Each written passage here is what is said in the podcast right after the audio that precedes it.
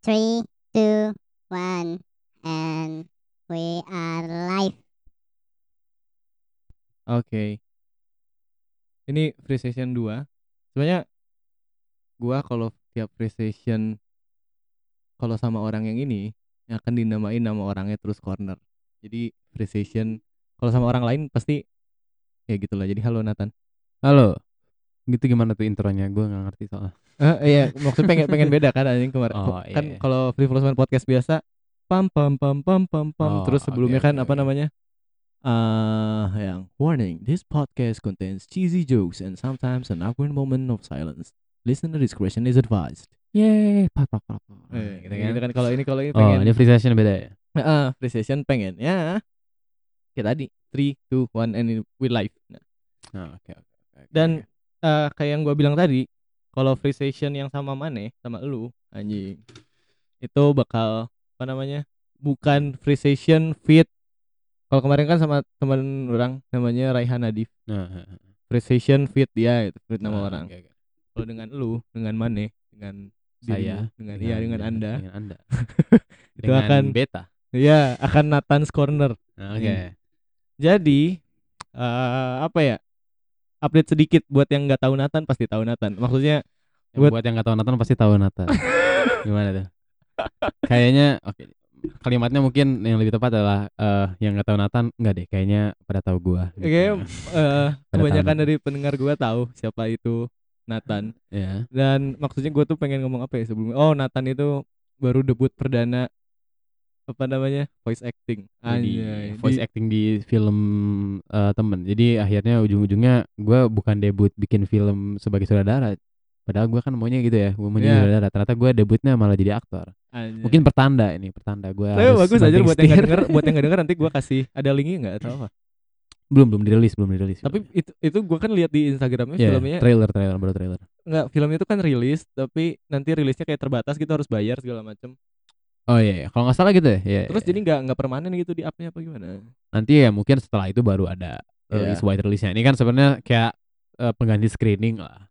Mungkin kayak jadi bioskop ya. Hmm, Jadi iya, masuk iya. bioskop. Sebenarnya emang kalau tadinya tuh eh, teman gue tuh emang mau ngerilisnya di acara emang screening gitu, emang Ah. screening short film.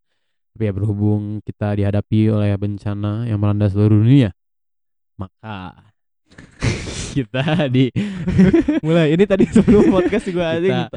Mencari alternatif dengan ngerilisnya lewat streaming. Gitu. Ah. Ya ya ya ya, tapi ya berharap nanti bisa di up permanen supaya gua bisa nonton. Karena lu nggak mau bayar. iya, Ya, ya. karena enggak bu- Kere. bu- bukan bukan bukan gak mau bayar ya, karena nggak kenal yang terus kayak bro mau bayar gitu nonton. Kayaknya itu sistemnya ada deh. Soalnya dia bukan bukan teman gue yang rilis secara kayak ngurusin ya. Emang dia punya eh, produk apa ada distributornya sendiri lah, distributor. Ah, eh, tapi sama bayar tuh apakah gua ya. harus datang atau bayar nanti dikasih linknya? Kayaknya ya bayar doang deh. Kayaknya sekitar bayar. Entah ya transfer atau gimana gue belum tahu detail. Tapi ya lu bayar ntar dapat eh, link ya screener namanya screener screener Ya, ya, ya, ya. boleh tuh berarti kalau yang denger ya, mumpung ini tuh masih tiga menit pertama dengerin filmnya yang voice actornya, voice actor. Cuman di awal doang, itu- ya. Sutradaranya eh, Mas Yogi Syahputra. Eh, gue sebagai ya voice acting ya bisa dibilang voice acting lah. Gue monolog lah intinya kan. Hmm. Tapi itu bagian itunya doang. Apa? Emang satu film tuh jadi film ini tuh menceritakan tentang eh apa tempat-tempat yang punya nilai memori bagi sang sutradara ya bagi sang Yogi. Eh pada awalnya enggak, ini mungkin sedikit behind the scene ya. Emang awalnya dia cuma pengen menangkap aja eh tempat-tempat yang bernostalgia bagi dia di Jakarta di kampung halamannya Emang dia di mana sekarang? Jakarta. Wow. Ya, maksudnya selama dia hidup di sana gitu loh, tempat-tempat iya. yang paling berkesan Aha. lah gitu. Terus eh, akhirnya dia baru-baru ini baru diganti. Jadi konsepnya jadi lebih eh, tentang menceritakan dua eh, insan muda, dua pasang kekasih, sepasang kekasih yang Ah. saling merindukan satu sama lain dan mengingat-ingat eh, memori yang mereka sudah bangun melalui tempat-tempat yang ada di Jakarta. Iya, Tapi iya. diceritakannya melalui eh, sang prianya membacakan surat dari sang wanitanya. Ah. Ya, bagus aja soalnya gue lihat si trailer apa teaser itu yang ada yang Trailer sih. trailer ya. Ya, karena ini kan trailer short film, jadi trailer short film kayak teaser. Iya iya iya. Bagus anjing. Maksudnya si si Nathan suaranya anjing ear catchy anjing. Enakeun anjing. Oh iya. Harusnya gue buat ASMR aja. Gak gitu ngomongnya kan gimana sih? It's now 4 in the morning where I am. And as the hand moves across the page. Ya kan gue tuh udah kayak Matthew McConaughey And- aja dah. And as the pen in my hand moves across the page. Ya, gue tuh udah nawarin lagi sebenarnya. Kayak lu mau pakai aksen apa nggak gitu kayak McConaughey gitu. Tapi itu aksennya agak Indonesia ya jadinya. Eh nggak tahu sih gue soalnya kalau nggak dikasih harus aksen apa malah jadi Indonesia gitu. Ya ya ya. Kayak gue tuh kalau ngomong Inggris pasti kalau gue nggak berusaha untuk meniru suatu aksen bakal jadi otomatis jadi aksen Indonesianya keluar gitu loh. Eh, dan kalau mungkin eh, itu sih gue disuruhnya sebenarnya lebih kayak American tapi kalau American entah kenapa lebih gampang untuk lu eh, apa namanya eh kepleset lah jadi aksen Indonesia lagi gitu. Karena karena aksen Amerika kan nggak terlalu kental ada karakternya gitu kan. Ya, heeh. lebih general aja kan jadi gue kayak bingung. Kalau gue ngomong aksen Inggris karena udah jelas ya gue lagi ngomong aksen Inggris jadi gue ingat terus kayak oke gue harus ngomongnya aksen Inggris. Nanti kurang kurang kurang vibes Jakarta banget kalau aksen Inggris. ya ini mungkin gue aksen Jaksel lah Anjay. Jaksel Most of woman in my life di Jaksel. Enggak enggak skip. Oke, ya. ini free session berarti no edit ya no cut nih Iya, no cut. Iya, kalau Dia gua orangnya tiba-tiba- enggak akan denger juga. gue kalau tiba-tiba ngomong yang kontroversial udah ya berarti gue tamat udah hidupnya Bisa dibilang. Tapi Ya. enggak lah, kita kan ya berapa sih yang denger ini paling 30, 40 ya, kayak ntar kalau gue buat eh apa namanya satire tentang gue make sabu-sabu gue langsung ini dah diserang ntar Anjay, hei, gue tuh pengen ngomongin itu anjing ya. Ah, Sekarang iya, kan iya. lagi rame tuh ya. Siang apa? Emon Heeh, si bintang Emon itu Hmm, hmm. gimana? Anjing langsung nanya gimana? Gak tau sih kalau gue nggak terlalu ngikutin sebenarnya detailnya. Yang gue tangkap cuman intinya tuh dia mengkritik ini kan. Iya, yang Gue justru lebih nggak tahu lagi tentang kasus yang yang novel disiram Baswedan air. disiram air Iya keras tahu iya kan? iya iya. Tapi misalnya gue nggak ngerti kayak uh, statementnya apa sih yang katanya nggak sengaja itu tuh emang dia ngomongnya itu nggak sengaja atau Iya, gimana jadi, sih gue eh, tapi si kasusnya kurang lebih tahu kan kayak Iya, dia iya, disiram iya. terus dioperasi tapi si pelakunya setelah dua tahun nggak ketemu ketemu baru ketemu Iya, sekarang iya. tapi pas setelah dihakimi cuman setahun Ah, cuman ah, ah. setahun pas setahun ditanya sama si judges tuh apa hakim ya hakim ya Mhm, pas mhm. hakimnya jawab itu ternyata cuman apa kenapa nggak apa namanya kenapa cuman satu tahun gitu ternyata eh bukan ternyata si hakimnya bilang ya cuman satu tahun karena dia ada unsur ketidaksengajaan gitu Hmm, hmm, makanya oke, cuma oke. satu tahun padahal ya ya kan logikanya orang-orang tuh marahnya gimana nggak sengaja gitu gimana caranya nggak sengaja nyiram muka tadi si pokoknya kalau nggak salah dia bilangnya pengen pengen nyiram badan tapi kenanya muka gitu kayak how the fuck gitu gitu Ya sama aja gak sih? pengen nyiram badan tapi kena muka gitu Iya iya iya. iya. itu gimana ya Iya iya makanya sih. makanya si Emon tuh bilang kan gravitasi itu pasti Hai ada pacarnya Nathan di Oh sini iya iya karena sebentar sebentar. Coba lu omongin lagi tentang Emon. oh iya tadi ngomong apa sih ya mereka lagi ngobrol saya mau ikutan nggak nanti nanti kapan-kapan kita bawa mic tiga Eh, eh kan mikir oh, satu di rumah lu. Satu nggak ke bawah Ah. tadi lupa. Nanti kapan-kapan ya ikutan ya. Iya. eh jadi Iya maksudnya menurut gue sih Gue belum nonton juga sih videonya. Udah gak ada ya? Video si Ada, ada, Emon ya? masih ada. Oh masih ada video terakhir gue lihat sih masih ada nggak dihapus. Dia mau berani Lu nonton udah nonton? Nonton. Dia kan bilang gravitasi itu kan ke bawah. Technically ya secara sains bawah itu kan nggak ada ya. Gravitasi itu menarik ke tengah bumi tapi ya. Nah, Bener lah, iya, ke bawah. iya, iya. It- gravitasi kan ke bawah. Ya kalau jalannya handstand baru itu nggak sengaja bisa jatuhnya kan karena kepalanya di bawah gitu kalau handstand. Hmm. tapi ini gimana ceritanya? Ngebanjur badan kenanya ke muka gitu loh. Terus dari situ banyak buzzer yang bikin berita-berita hoax si Emon katanya pakai sabu-sabu pakai ganja segala macam gitu Oh loh. Gue kira tuh emang dia tuh Videonya tentang dia pakai sabu-sabu. Oh enggak Sebagai enggak, joke gitu loh Sebagai kayak enggak enggak. satire. Oh enggak ya? jadi gara-gara dia kayak bikin gimana ya? Iya stand up komedi pada umumnya. Stand up komedi iya. satire nge-jokes pemerintahan iya, yang iya, ada iya, gitu iya. kan. tapi setelah dari situ di Twitter banyak yang nyerang. Hmm, di hmm. Twitter banyak yang nyerang dia. Kekuatan Twitter ya emang. Jangan dengan di- nyerangnya itu bukan bukan nyerang langsung gimana ya eksplisit tapi nyerangnya dengan buzzer itu tadi. Si Emon ini ketahuan katanya sabu-sabu lah pakai narkoba segala macam gitu loh. Iya, iya. bahkan katanya oh katanya dia ada yang nge DM pakai death threat gitu loh. Hmm. katanya itu kan. Ya, gua kira tuh emang dia ngebuat satire-nya dalam berupa kayak ceritanya dia pakai sabu-sabu tapi nggak sengaja atau gimana lah terus sama pemerintah nggak di itu gitu lah gue kira tuh emang ada skitnya gitu Enggak, emang enggak, enggak ada sama sekali. Ah, Tapi so far, mhm. kalau sekedar buzzer ya, Iya, walaupun pasti eh, mayoritas orang akan kesel ya kan. iya Tapi gua masih nggak apa-apa, walaupun gua bag- termasuk yang kesel juga, ngerti gak sih? iya iya Buzzer kan ibaratnya hate speech lah ya. iya heeh. Gua gua gimana ya? Gua sampai sekarang gua mendukung penuh ya, eh, free speech dan Hmm. hate speech itu sebenarnya kan bagian dari free speech gitu kan. iya iya. Jadi ya udah selama masih buzzer, selama masih eh, opini lawan opini, seburuk apa pun atau sebaik apa pun opininya gua sih fine fine aja gitu loh. Selama masih berbentuk buzzer kayak gitu. Tapi kalau emang satu saat dia di penjara itu baru gua nggak setuju gitu. Kalau menurut gue sih ya, kenapa salah?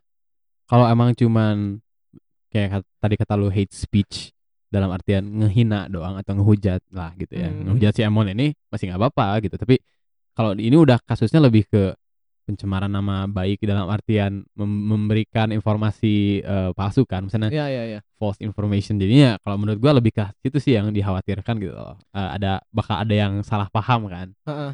kalau mungkin kalau cuman emang ngehin- ngehina-hina doang udah biasa lah gitu kan kayak artis dihina Iya, gitu. iya. Tapi yang gue bingung ya masalah free speech dan eh itu kan ibaratnya kalau hoax itu kan false information kan.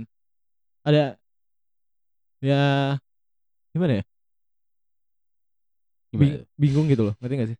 apa apa apa bingungnya apa Kalau iya, kalau false information jelas sih. Maksudnya kalau buzzer gini, kalau penggiringan opini tapi selama faktanya sesuai ya nggak apa-apa gitu kan. Iya, Tapi walaupun iya nanti misalnya Emon ini misalnya di penjara karena beneran ternyata dia pakai ganja atau sabu-sabu. Hmm.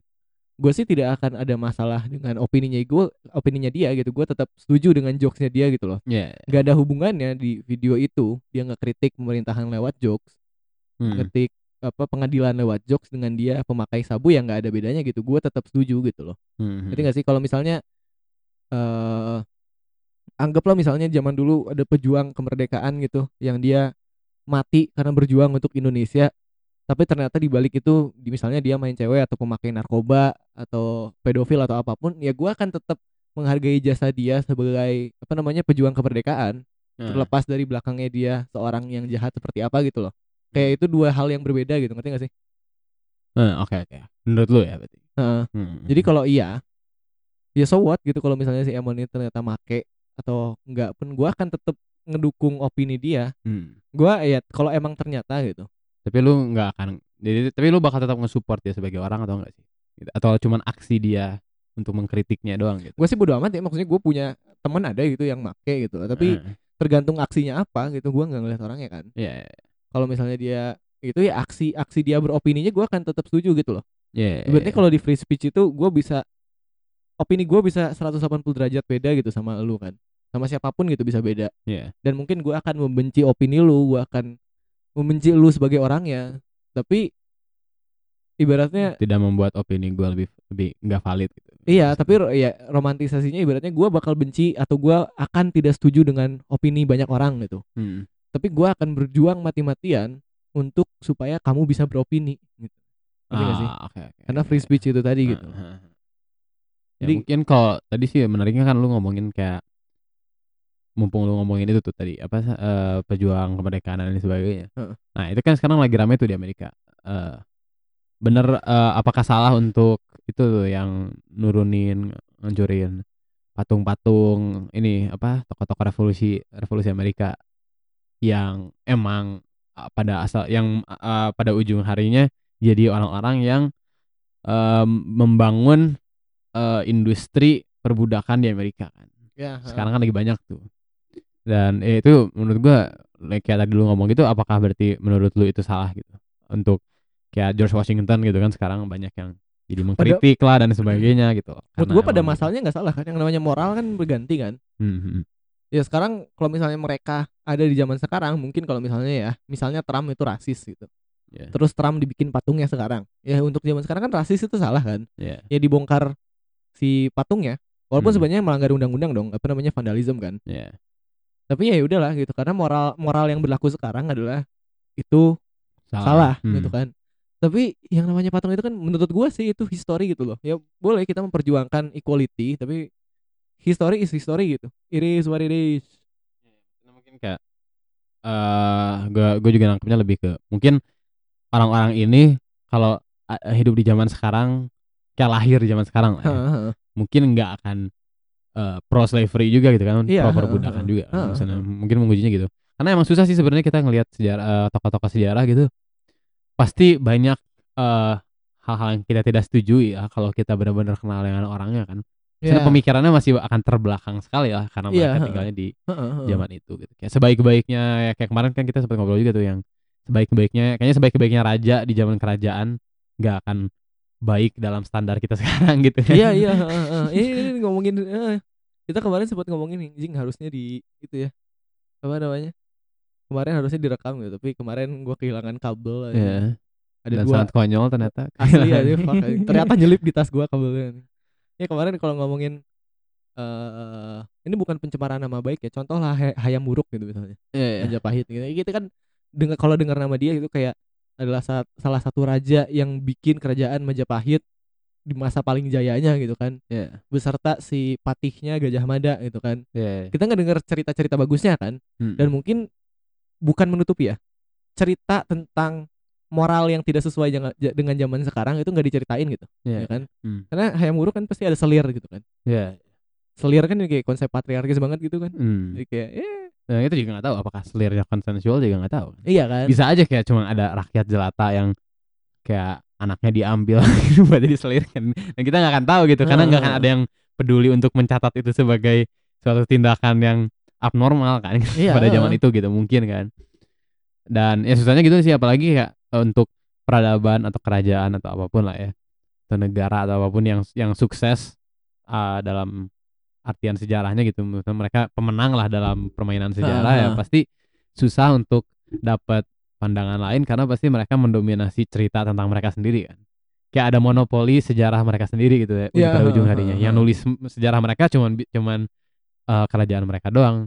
Karena pas ada kerajaan lain yang mungkin nulis tentang mereka keburu dihancurin tuh kerajaan dan Iya, dibakar dan lain heeh. sebagainya. Jadi kita yang tersisa sekarang adalah catatan-catatan yang sudah sangat subjektif dan punya tujuan politik gitu. Iya, heeh. dan apa namanya? Kalau ngomongin sejarah kan yang ya nggak bisa dipungkiri lah pergantian moral itu kan ada ya. Yang zaman dulu begini begini gitu. Zaman dulu rape kayaknya oke gitu ngerti nggak sih? Iya, ya kan? Heeh. Kayak yang kalau zaman dulu zaman perang nih ya, belum ada pistol nih kalian masih pakai pedang, pakai pakai apa spear tuh apa tombak, masih Mhm. pakai tameng.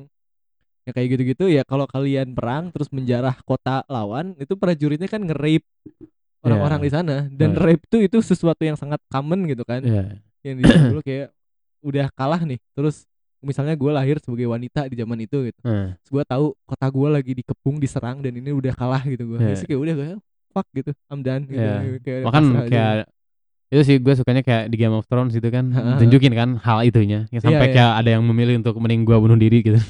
Daripada gue harus kota gue udah kalah gitu. Iya jadi karena gitu lah dan ngomong-ngomong pergantian moral dan perbedaan budaya gue udah nonton Midsommar. Oh iya ya walaupun banyak banyak sih yang dibahas ya dan banyak yang gue masih belum kayak ah masih menerka-nerka what the fuck Iya, gitu kan. heeh. tapi yang yang keren ya yang gue nonton dari film ini maksudnya si nilai budayanya gitu Heeh. kan itu dicekok banget selama film ya kan yang datang Iya. ke situ itu tesis mereka kuliah antropologi kan Iya, kalau nggak iya, salah atau apalah gitu kan tesisnya adalah meneliti budaya itu kan Iya. dan buat mereka yang eh circle-nya pemeran utamanya mereka ngelihat ada yang dibunuh atau yang loncat dari gedung Iya. itu kan mereka ngelihatnya takut tapi Iya. mereka nggak akan stop dan mereka nggak vokal kan di sini maksudnya Iya. nggak vokal tuh jangan jangan nggak gitu kan karena Iya. mereka tahu ya budayanya seperti itu gitu loh. Mhm. sama kayak nonton The Farewell gitu The Farewell Hmm. juga bagus kan anjing kayak ya kayak kontrasnya sama karakter yang sampingan yang apa sih yang dari Inggris iya iya heeh. itu kan gimana ya bisa dikatain mungkin itu SJW yang menyebalkan tuh kayak gitu gitu kan itu mengganggu ya budayanya seperti itu gitu Hmm. kalau kalian mikir ih itu gila itu itu ya buat kita kan gila ya Iya. buat buat mereka ya itu yang mereka percayain gitu loh Iya dan, Bahwa- se- dan secara tidak langsung filmnya juga mengatakan dengan lu respect culture yang ada malah jadi yang ya oke spoiler untuk Midsommar. Ya itu tadi gue udah spoiler sih. Ya ya nah, misalnya kan tahu lah orang akan ada yang bunuh-bunuhan kayaknya Iya. dari trailernya juga. Tapi eh ya untuk spoiler Midsommar lah ya.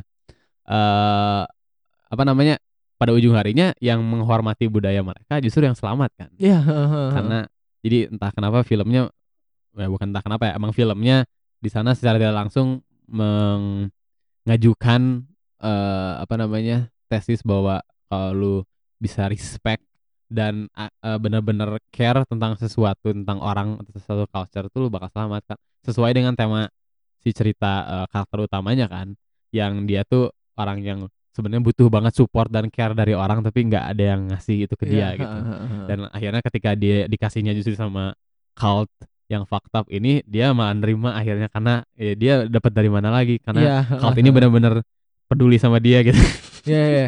Dan yang seru ya film ini perbedaannya itu itu walaupun sebenarnya itu kan Swedia ya. ya Swedia kan yang gua tahu so far sama aja sama negara barat lainnya gitu. Individualismenya keras gitu. ya Tapi di budaya yang ini itu mereka Hmm. sangat kolektif banget gitu kan. ya ya Yang kayak tidur sangat amat bareng sangat gitu. ekstrim kolektifnya Iya gitu. sampai kan. kayak perasaan pun harus dibagi gitu Iya, oh itu lain. itu yang scene scene yang mereka bersenggama itu Iya. kayak oh shit memang sangat tidak konvensional atau atau konvensional sekali gitu.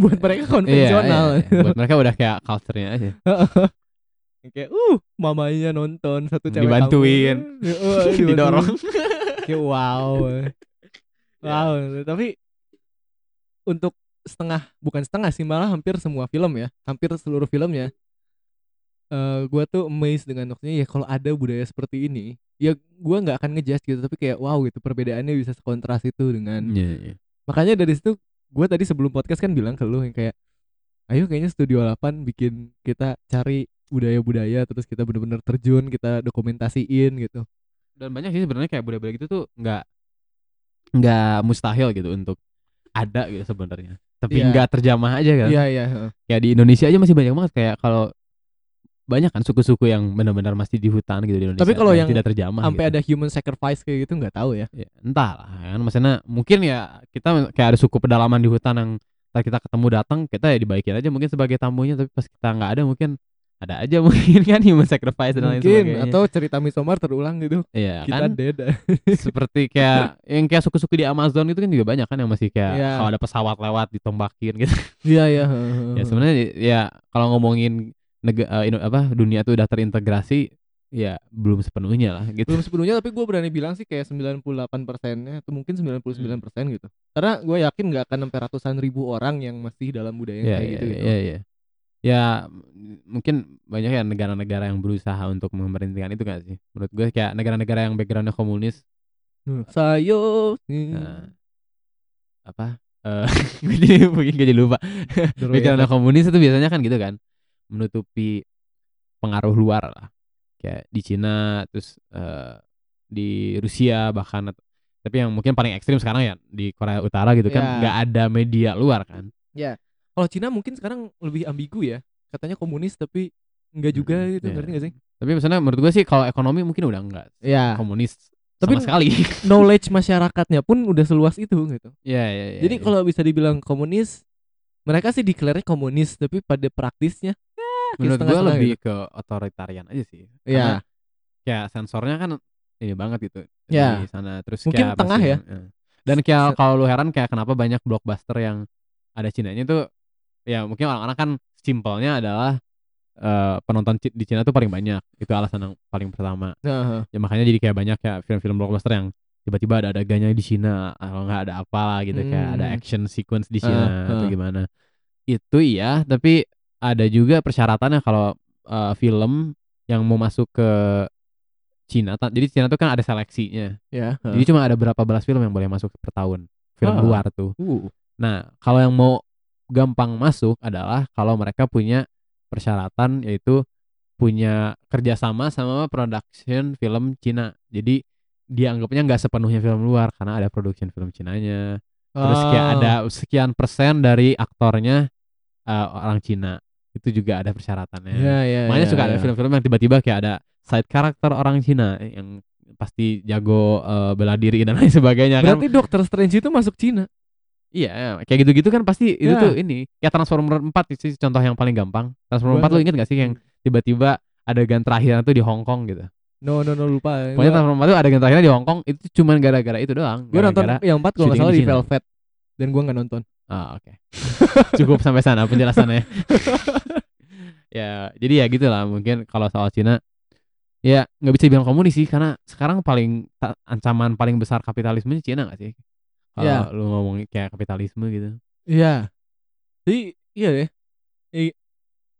gue tuh masih bingung dengan jalannya Cina kapitalismenya jalan kan gede gitu. Sedangkan kalau di komunis tuh kalau komunisme masih ada kayak Korea Utara itu si ekonominya tuh nggak akan pesat gitu ya kan Iya, karena iya. orang yang diberikan hak untuk berkompetisi ya nggak banyak gitu orang-orang Iya, yang iya. diizinkan doang Hmm. kalau Cina tuh maju gitu kita Alibaba aja berapa tahun kemarin kita nggak tahu kan Iya. tuh nggak ada gitu Alibaba terus gue Hmm. tuh nggak ngerti gimana si Jack Ma kan kalau salah Alibaba ini Hmm. Jack Ma ini diberikan kesempatan untuk dia bisnis gitu soalnya tahu gua komunis tuh kalau misalnya ada eh apa namanya bisnis segala macam kalau tidak setujui udah gitu tenggelam ya kan yang menentukan iya. cuman emang bener-bener sentralisasi banget gitu kan Hmm. makanya gua tuh bingung dengan Cina ini kayak ah ya maksudnya memang bergantung banget sama swastanya gak sih perusahaan swasta. iya gitu. Kayak ya HP aja sekarang Xiaomi eh, Xiaomi, Huawei, iya udah maksudnya iPhone aja dibuatnya di Cina gitu. Iya, makanya agak membingungkannya gitu ya. Ini komunisnya di mana ya gitu kayak ya mungkin mirip dengan negara salah satu negara di Asia Tenggara itu besar. Hmm. Itu mungkin agak bingung gue liatnya soalnya negara besar ini katanya demokrasi kan, katanya boleh berpendapat gitu, bebas berpendapat. Tapi Hmm. ada beberapa omongan kritik yang menurut gua kritik tapi di penjara gitu. Oh iya. Yang- yang negara salah, itu heeh. iya, iya. Kayak pernah ada satu gubernur salah Iya. ngomong, mungkin Iya. masuknya hate speech iya, tapi itu free speech juga iya gitu. Iya. Kayaknya nggak harus dibikin masuk penjara deh tapi dari situ dibikin undang-undangnya terus jadi kayak undang-undang ujaran kebencian di negara itu terus di Hmm, penjara hmm. dua tahun itu kayak nonsens buat gua Hmm, hmm, hmm. Ya sih. Ya mungkin gak usah disebutin ya negaranya lah. Ya. Ntar kita diserang negaranya. ya Ntar nanti perang. iya gua Nah. nggak nggak mau Indonesia perang dengan negara itu kan Iya iya makanya. Ya tapi mungkin emang karena apa ya? Karena mungkin udah ada stigma-stigma tertentu. Jadi yang menimbulkan kesalahpahaman gitu kayak komunis tuh kayaknya di Indonesia tuh lebih ke perihal represinya gitu. Ngerti gak sih? ya Kayak heeh. otoritasnya gitu, otoriternya terus Heeh, kayak nggak heeh. boleh ini nggak boleh itunya. Lebih ke situ gitu. Ya, Pandangan orang tuh ngedengar komunis itu kayak oh nggak boleh beragama, terus nggak boleh ke barat-baratan dan lain sebagainya gitu Iya, kan. heeh, heeh. Padahal kan komunisme dalam definisi itu campuran dari ekonomi eh yaitu sosialis kan. iya heeh. karena Sosialis yang otoritarian gitu. iya karena si Karl Marx yang Karl Marx tuh kayak bapak komunis dia kan dia tuh sebenarnya terinspirasi dengan buku tahun 1400-an kalau nggak salah nama judul bukunya Utopia gitu Hmm. utopia itu bener-bener sosialis libertarian banget gitu kiri bawah banget gitu kan tapi Iya. kata Karl Marx karena itu tidak mungkin Hmm. makanya komunisme itu harus tetap ada uang dan harus ada tetap pemerintahnya Hmm. pemerintahnya tugasnya bawahnya itu supaya bisa sosialis gitu loh Ya, ya. tapi harus tetap ada uang tapi tujuannya satu saat kalau misalnya semua komunisme itu menang eh kalau misalnya semuanya jadi komunisme uang akan hilang dengan sendirinya. Hmm. itu kan tujuannya. Tapi untuk sampai situ kita nggak bisa ngapus semuanya gitu loh. Harus tetap ada yang memerintah dulu. Harus uang itu ekonominya harus tetap pakai uang gitu. Tapi di Iya, satu iya. titik semuanya jadi komunisme ya udah jadi sosialisme gitu. Pemerintah pemerintahnya akan turun semuanya akan sama rata sama rasa. Ya. ya tapi ya begitu kan pada akhirnya. Ya emang sebenarnya sampai sekarang sih belum ada itu sih kayak konsep sampai sekarang masih yang paling berhasil untuk kita jalanin eh bentuk ekonomi ya masih eh, apa namanya kapitalisme gitu. ya Eh, kayak orang-orang yang ngomongin ada cara lain tuh cuman tadi balik lagi tadi kayak utopia dan sampai pemerintahan-pemerintahan juga kan sekarang ada banyak yang gerakan-gerakan nih terutama mungkin eh, di Indonesia lah cukup banyak nih Iya. gerakan-gerakan yang ingin menggunakan sistem pemerintahan baru yang lain gitu. ya Yang katanya di sistem pemerintahan itu tidak akan ada eh, diskriminasi, terus tidak ada pajak, tidak ada segalanya. Terus kayak gue mikir-mikir sendiri kan kayak ini orang yang ngebuatnya eh, mau dapat uang dari mana lah gitu. asli ya kecuali nggak ada pajak tapi kita kerja nggak ada gaji Ya katanya soalnya janjinya gitu pasti kalau bentuk pemerintahan ini gue nggak mau sebutin. Tapi ya pasti ngomongnya ini sejahtera rakyatnya, tidak ada diskriminasi apa-apa, adil semuanya dan ini makmur. makanan merata Iya kan gitu kayak lu mau apa ini? Ini tidak ada yang seperti ini. ya paling ujung-ujungnya jadi negara ada platform Nah itu dia. Di kan? platform. Menunggu adanya eh, spontaneous solidarity Iya. yang tidak akan pernah muncul. ya which is very unlikely tapi kalau ngomongin tadi ideologi dan perbedaan budaya ya Korea Utara lu gue bilang kita mungkin dari luar liatnya jahat ya, kayak gagal gitu, kayak fuck up negaranya. Tapi kalau mikir orang dalamnya, mungkin gue mikir mayoritas orang dalam nggak tahu apa-apa, terus mereka ya udah gitu, kayak gue hidup begini dari dulu terus mau apa lagi gitu, ngerti gak sih? Iya, iya. Maksudnya there are worse countries gitu. Ya. Buat lu hidup. Iya. ya setidaknya di sana ya lu makan secukupnya gitu. Tapi lu makan gitu. Ada Iya. negara yang gak bisa makan gitu. Iya, heeh. Dan jadinya gimana ya kalau mikir bahkan di worst country pun mereka tidak akan sefuck up itu pikirannya seperti kita mikirnya kayak tidak seburuk yang kita pikirkan gitu. Ngerti gak sih? Iya, iya. Karena bukan karena itu tidak buruk, buruk gitu. Tapi Hmm. karena kita tahu kita hidup di negara yang sangat bebas. Jadi ekspektasi kita tuh luas gitu ke mana-mana gitu kan. Iya, iya. Sedangkan mereka yang sangat terisolasi, khususnya Korea Utara aja, mereka nggak tahu dunia luar kayak gimana kan. Iya. Jadi mereka ya udah gitu. It is what it is, hidup biasa aja gitu. Iya, iya, iya. Mereka nggak punya ekspektasi banyak. Mm. Ya sebenarnya tidak tahu menurut gitu. gue sih kayak kalau Korea Utara gitu lebih ke represi secara emosional aja sih kan banyak yang yang di yang apa hak yang diambil dari rakyat di sana adalah hak yang kebutuhan-kebutuhan yang sebenarnya udah sekunder atau tersier bahkan gitu. Ya, ha. tapi menurut gue kayaknya kewaji eh, kebutuhan primer sana ya, ha. cuman ya lu nggak bisa dengerin musik lu nggak bisa nonton film lu nggak bisa apa gitu. Iya, ha. itu aja sih sebenarnya Dan kalau dibilang di sana nggak boleh beragama, sebenarnya boleh gitu. Dan apa namanya? Yang nggak boleh itu di saat kita beropini tentang kepercayaan kita untuk mengintervensi pemerintahan. Itu maksudnya komunisme kan pada akhirnya situ gitu kan. iya iya Jadi kayak udah lu pengen percaya apa silahkan. Tapi di saat lu masuk ke administrasi entah perkantoran atau negara, di situ lu nggak boleh ngomongin agama Iya. gitu kan. Jadi sebenarnya nggak dilarang juga Yeah, sih. you are nothing Kecuali si pemerintahnya bilang, "Nih agamanya ini. Agama di pemerintahan bolehnya ini." gitu. Berarti di saat kita di pemerintahan kita cuman bo- boleh ngomongin agama A itu doang. Iya, iya. Kalau misalnya kita beda kepercayaan ya nggak apa-apa, tapi kita nggak boleh ngomongin sama sekali kepercayaan kita di situ gitu loh. Itu sih sebenarnya di idenya supaya semua orang itu sama kan tujuannya gitu kan. Iya, iya, iya. ya sebenarnya emang apa ya sebenarnya emang apa ya? Sebenarnya emang gitu. ya emang what it is sih bener itu, is itu what it udah paling moto paling the best sih. It is. Kita semakin sini ya, makanya mungkin salah satu alasan Studio 8 gak jalan karena kita sangat nihilis. Mhm. Pasrah aja juga. Iya. Ya kemarin gua tuh seneng tuh ngelihat ada lu tau gak sih komik eh Tahi Lalat? The Tahi Lalat ada lah itu komik di denger, IG ha, itu sering. ha, ha. itu ada komiknya bagus. Eh, biasanya komik komedi. Ini emang komedi tapi menurut gua lebih nyindirnya bagus sih kayak kayak cuman komik itu ada orang lagi tiduran terus kayak eh kenapa ya hidup gua eh, nggak ada gunanya? Gini gini gini gini gitu Ah, nggak bisa tidur gitu. Akhirnya tapi terakhirnya dia akhirnya ngomong ah nggak apa-apa lah. Yang penting hidup nggak apa-apa nggak berguna tidur lagi. Yang penting hidup nggak apa-apa nggak berguna. Ya mungkin kontroversial tapi ya bagaimana ya? Karena Ya, ya mungkin ya valid-valid aja hidup seperti itu gitu kan. Ya. Ha. disebutnya apatis dan sebagainya. Waduh ada tamu ya kita. Oke, kedengeran gak ya? Eh ya itu ada tamunya eh, sepertinya eh, mobil putih eh, CRV itu. Oh, mungkin bisa di break dulu ini Bar? ya mungkin kita dulu. break dulu podcastnya eh, Kita sampai break, ketemu di five. sesi selanjutnya.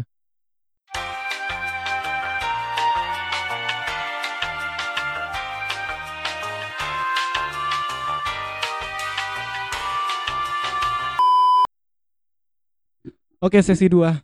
Setelah tadi ada eh, acara keluarga mendadak. yes ada arisan keluarga tiba-tiba Ya. Siapa yang menang? Nathan. yoi Eh tadi sampai mana bar? Atau mau membuka topik baru? Buka topik aja? baru. Buka topik baru. Ayo lo, bingung kan? Biasa kita ngomongin apa sih anjing? Kita tuh luar biasanya ngomongin kayaknya tidak tidak senonoh untuk podcast. Alright, ya. Jadi sebenarnya eh, pas lagi break, lagi break panjang. Sebenarnya ada obrol. Tadi sempat ngobrol lumayan ya. Ya, ngobrolin tentang baratnya susah move on ya bar. Enggak, enggak ada. Ini tuh sensitif kalau ngomong merah susah move on Oke oke oke. Berarti jangan. Karena emang sudah move on. Hmm. Ya oke oke oke oke. Ya, Tapi sebenarnya ya, itu bisa dibahas sih bar. Konsepnya aja bukan lu ya. ya. Tapi kayak konsep moving on. Is- Iya. is, apakah itu sesuatu yang ya mungkin possible mungkin tapi sesuatu yang apa ya namanya eh patut untuk menjadi kayak solusi yang utama gitu kan kayak orang-orang pasti kan kayak re- respon kalau putus langsung ya udah move on gitu kenapa gitu kenapa kita dituntut untuk move on Karena dengan pikiran move on kan berarti rasa sakit itu akan hilang kan. ya You moving on. tapi apakah benar on. gitu apakah Ya, iya enggak atau sih. cuman sebenarnya itu hanya sebe- sebentuk eh, apa namanya denial gitu bahasa Indonesia apa denial nggak tahu gua Penolakan tapi memang denial sih ya zaman sekarang bahasanya. iya Ya, kan kita podcast jaksel anjay. Anjay. Enggak enggak mau. Fuck Jaksel.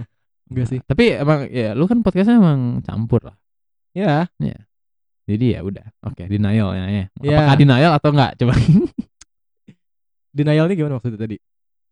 cuman kayak kita ya ini gue udah move on berarti gue udah gak usah peduli padahal kan mungkin cuman dia berusaha untuk percaya ke bahwa gue tuh udah melewati itu gitu. padahal mungkin masih Mungkin ya pada pada ini kalau tanda kutip move on berarti kan kayak udah gitu. Ikhlas, perasaannya udah hilang bla bla bla segala macam. Mungkin satu-satunya obat itu waktu sih. Anjay. Anjay. soalnya gue tuh Jika ada iya sih. sesuatu yang berharga gue tuh dulu pernah nonton adalah apa ya film atau apa pokoknya ada yang jadi waktu itu konteksnya bukan eh, relationship tapi yang meninggal gitu ya. Gue lupa nih film apa ya gue tapi gue nempel soalnya si quotesnya itu jadi eh jadi intinya dia kan disuruh move on dan lain sebagainya. Terus dia ngomongnya kayak ya I don't want to move on karena this is all I have left fro- uh, about her gitu loh. Atau about him gitu. Lupa gue soalnya him atau her. Soalnya Ya. keluarganya atau apa gitu Ya. gue Ada ada quotes bagus. Uh, only time can heal what reasons cannot. ada lagi quotes enggak enggak kita jadi podcast ini aja Pak. lu padahal buat IG Frivolous Talks tuh jadi gitu aja tau gak sih? Akun-akun IG yang cuman ngepostin quotes-quotes galau gitu ntar orang nggak Gak mau. orang-orang nggak repost ntar di story-nya. Gua tuh dulu dulu mungkin tipe yang sedikit puitis ya, zaman SMA sampai awal kuliah lah, sampai akhirnya kenapa tuh? Kenapa lu putih karena nggak tahu keren aja masih gitu. puber ya Iya, dulu dulu tuh ada quotes kesukaan yang sampai sekarang gue sering pakai tapi ujung-ujungnya cuma jadi bercandaan doang. Dulu tuh Hmm. quotesnya kayak jika ada sesuatu yang berharga maka itu adalah waktu, waktuku bersamamu. Wah, geli-geli kan sekarang fuck aja. geli no. banget gila gila lah untung gua kenalnya lu sekarang eh enggak ya gua kenal kenal dari lahirnya Iya. ya tidak bisa dihindari Ya tapi ya udahlah, udah udah udah move on. Tapi ngomong-ngomong tadi move on. move on ya, bener kan? Pada akhirnya emang waktu sih, ya kan? Jadi emang tadi ngomong denial apa ya lupa aja pengen ngomong apa? Denial. ya maksudnya kalau lu ngomong waktu juga Oh. ini apa apa Ya apakah eh apa namanya kita bisa sepenuhnya perasaan itu hilang atau terkubur? Mungkin ya pertama tergantung hubungannya juga sih ya. Ada yang pacaran sebulan dua bulan, hahi cinta monyet lah ibaratnya. Hmm. Ada yang eh memang udah lama gitu. Hmm. Tapi Kayak- belum tentu juga lah. Ya, maksudnya lama di sini kan Bisa aja ada yang selain kuantitas yang bersamaan dengan kualitas hubungannya juga Iya, gitu. iya. Itu ada di podcast bukan siapa-siapa, ini buat yang nggak denger. Oh iya, Anjing. ada. Ada ya. Oh iya. Judulnya itu objektifikasi. Jadi sebenarnya kalau di episode itu dia ngomongin apakah oke mengobjektifying seseorang gitu. Mhm. Tapi pada akhirnya menurut siapa ya? Itu pokoknya dengerin lah si podcast bukan siapa-siapa ini. Menurut Jadi Nietzsche. bukan bu- bu- bukan bukan anjing jangan full nihilis dong Eh apa namanya di podcastnya bilang emang semua orang selain diri kita sendiri itu tuh objek gitu loh dalam hidup kita itu objek satu-satunya subjek dalam hidup kita sendiri itu ya kita sendiri Hmm. tapi kalau misalnya kita kenal dengan seseorang contohnya PDKT gitu Hmm. PDKT itu proses subjektifikasi Ah, oke. dari yang objek dari yang kita tahu orang ini misalnya gua ngedeketin satu orang yang ngedeketin cewek gue Iya. tahu orang ini sebagai objek doang dalam sebagai informasi gitu. Ah, kan. salah satu objek dari alam semesta yang ada Hmm. sampai akhirnya objek objek ini awalnya gue cuma tahu dia orangnya begini begini gue suka dia sebagai objek gitu loh. Hmm. Pros- proses subjektifikasi di sini kayak makin lama dia tuh punya ceritanya makin lama dia tuh punya Iya, meaningnya bener-bener existence precedes essence Hmm. Ya jadinya apa namanya berarti mm, eh, bahasa Inggrisnya tuh ourselves in their shoes lah gitu kan maksudnya. Iya, dan sampai akhirnya ya emang itu adalah bagian dari kita walaupun ujung-ujungnya gimana ya? Kayak kayak kalau nggak salah di di di konsepnya tuh dia tetap menjadi objek tapi semakin lama di kepala kita tuh ya ada subjek diri dia gitu di idea of her or him Ya, di kepala kita gitu loh Hmm. ya itulah proses subjektifikasi jadi kalau ngomongin move on pada Kembali akhirnya pun ter- tergantung si kualitas hubungannya gitu loh kalau Nah. semakin tertanam dia sebagai subjek di dalam diri kita mungkin akan pada akhirnya ya move on akan sesusah itu gitu Hmm, hmm, sampai hmm. mungkin menemukan subjek baru yang eh bukan menghapus ya tapi lebih kayak mengkubur menyembunyikan Ah, tapi balik pada akhirnya ya menimpa gitu. subjeknya akan Dalam tetap ada alam gitu bawah sadar sendiri. heeh. tapi ya it's okay juga pada akhirnya gitu gitu gitu Iya. Itu. by the way ini podcast ini biasanya kan gua bukan biasanya kayak udah berapa episode terakhir gua live kan Iya. eh bahkan sampai free session yang kemarin di post pun itu live Hmm. ini nggak live tapi ternyata pada akhirnya di sesi kedua kita juga podcastnya live karena kita ada satu penonton Oh iya iya. hai oh, ya ya Ya. semoga kedengeran suaranya itu penonton Ya. Ntar edit aja suaranya. enggak nggak harus diedit Oh iya iya. jadi enggak. berasa ada penonton berasa kita benar-benar apa Hmm. talk show gitu kan Iya, iya. ya Walaupun hanya satu ya, semoga ntar bertambah terus Iya. angkanya sampai kita jadi talk show asli. Heeh, lama banyak Tonight orang show. terus kita jadi epicentrumnya penyebaran corona Widih, kan ntar semoga sudah selesai lah masa-masa corona. oh iya Terus kita sudah ini lagi. Biar kita ngegantiin bar jadi Tonight Show yang baru di net biar daripada sekarang net cuman isinya TikTok doang. Lu masih nonton TV gak sih? enggak emang net isinya TikTok Sekarang jadi acaranya TikTok, holy kayak cow. kompilasi TikTok. wow Entah entah faedahnya apa gitu. Karena ka- kalau gua mau ngeliat kom- kompilasi TikTok, ya gua buka TikTok kan. jadi untuk apa? untuk gua harus nonton TV untuk melihat TikTok. lu punya TikTok Ya enggak, tapi kalau gua mau ngeliat yang pada nyatanya gua nggak mau lihat, ya ya gua tinggal buka TikTok. Jadi untuk apa ada acara seperti itu? Nah, Soalnya orang tinggal karena lu nggak buka TikTok Ya kan gua nggak mau. Masa gua dipaksa untuk nonton TikTok sama TV? Enggak lah mau. TV nggak maksa kan tapi lu tahu ada net kan berarti Iya, sudah iya. berhasil itu net Apa? Untuk menginfluence gua jadi nonton TikTok. iya untuk yang nggak nonton TikTok jadi nonton seenggaknya Wah, makin bangsat berarti ini net ini. tapi di episode mana ya lu bilang kok TikTok itu sekarang menjadi media politik Siapa? Lu atau gua? lu Oh iya iya iya. TikTok. Eh itu gua ngomongnya waktu apa ya? di episode yang mana ya ada yang lupa Ya iya, tapi maksudnya emang di, di media yang komunis versus sih. kapitalis Hmm. Itu kayaknya gue sarkas dah. iya tahu Nggak tapi maksudnya TikTok emang sekarang jadi lebih ini sih. Banyak banyak yang kayak gue kemarin ngeliat kayak eh apa menyampaikan pesan-pesan kayak social awareness terus kayak masalah kayak dari mulai Black Lives Matter terus feminisme Ya. itu jadi pakai TikTok gitu.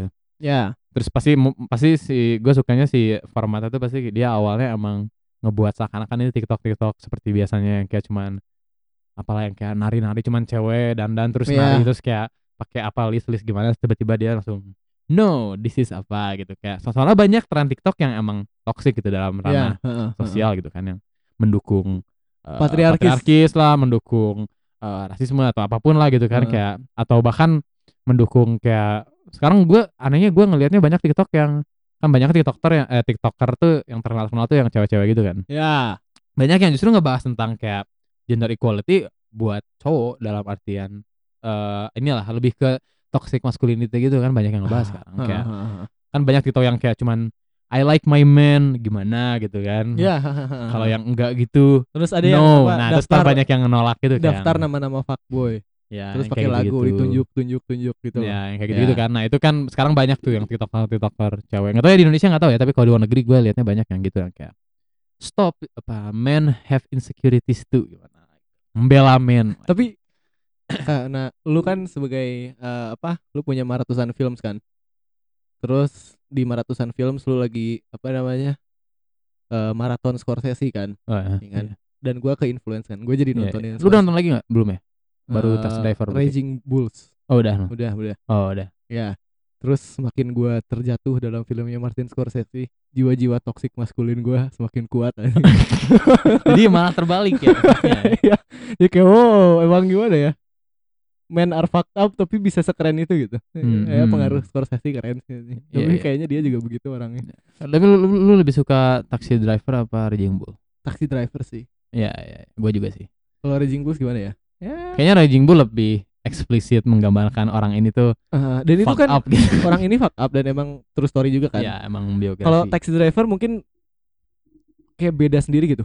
Entah ya gue belum nontonin film Scorsese yang lain. Tapi beda sendiri kayak kayaknya lebih nggak spesifik aja sih karena kan Lebih kalau abstrak Raging Bull gitu. emang benar-benar kita mempelajari karakter si Jake LaMotta-nya itu Iya, si real life boxer yang dulu pernah ada. Kalau di Taxi Driver tuh kayaknya si karakter Travisnya karakter utamanya lebih simbolisme Iya iya. heeh. Keresahan banyak pria. Itu lebih jatuhnya kayak Wolf of Wall Street. ya Iya ya kan? ya ya. Cuma ya versi ha. zaman itunya gitu loh. Mm-mm. Dan satu yang gue tangkap dari filmnya Scorsese Mm. yang khasnya bukan khas khas art eh, artistiknya segala macam ya. Nah, Tapi skripnya ada yang khas. Entah dari Nah. Scorsese atau dari si aktornya ya. nah. What's the matter with you? Ya, Iya. itu, itu itu mah itu kayaknya klise Italian deh kayak What's the matter with you? Ah, gitu kan. si Joe Pesci kan. Ngomong of gitu. Joe Pesci sama De Niro ngomong gitu mulu. Ya, iya iya iya. Kayak di- Irishman juga dia ngomong gitu kan. Ya, ya, sering Goodfellas dia ngomong gitu. Ya, ya. Itu emang kayaknya stereotypical Italian gangster gitu deh kayaknya. Tapi eh, emang Italian sih Jack LaMotta, LaMotta ya. LaMotta Italian. LaMotta, ya? iya. iya. aksennya kan gitu, Irishman- aksennya tuh khas banget. Irishman. Yang Italiannya si Joe Pesci-nya Italian. Iya, iya. Kalau situnya Irish cerita. Tapi di Godfather nggak ada loh. Iya, iya. Godfather, beda beda. What's the matter with you? Hmm, Kayaknya ada beda gitu. soalnya kayak Godfather kan mafia elitis lah. Ya. Kalau ini tuh mafia eh apa namanya? street banget lah ya, preman gitu. Ya, ya, ya. So far Scorsese berarti ya. Sekarang yang masih topnya buat gua mungkin Irishman yang kedua Taxi Driver. Hmm, hmm, hmm, hmm. Tapi emang berarti lu tinggal nonton ini sih. Karena Scorsese itu filmnya kalau secara kasar bisa dibagi dua. Bisa filmnya tuh yang dia masculinity biasanya lebih kayak menunjukkan kehidupan jalanan street life kayak re- real Ya, dia dulu uh, dia karena emang si Scorsese ini kan tumbuhnya emang di Little Italy di New York dan emang lingkungannya gitu kan Ya, kayak di uh. Raging Bull juga sebenarnya kan bukan cerita mafia tapi tetap aja ada karakter mafia karena emang seperti itu gitu kayak emang ibaratnya kayak di Indonesia lah ada preman Ya, gitu ada uh, uh. juragannya gitu kan di Ba- di Bandung gitu kan.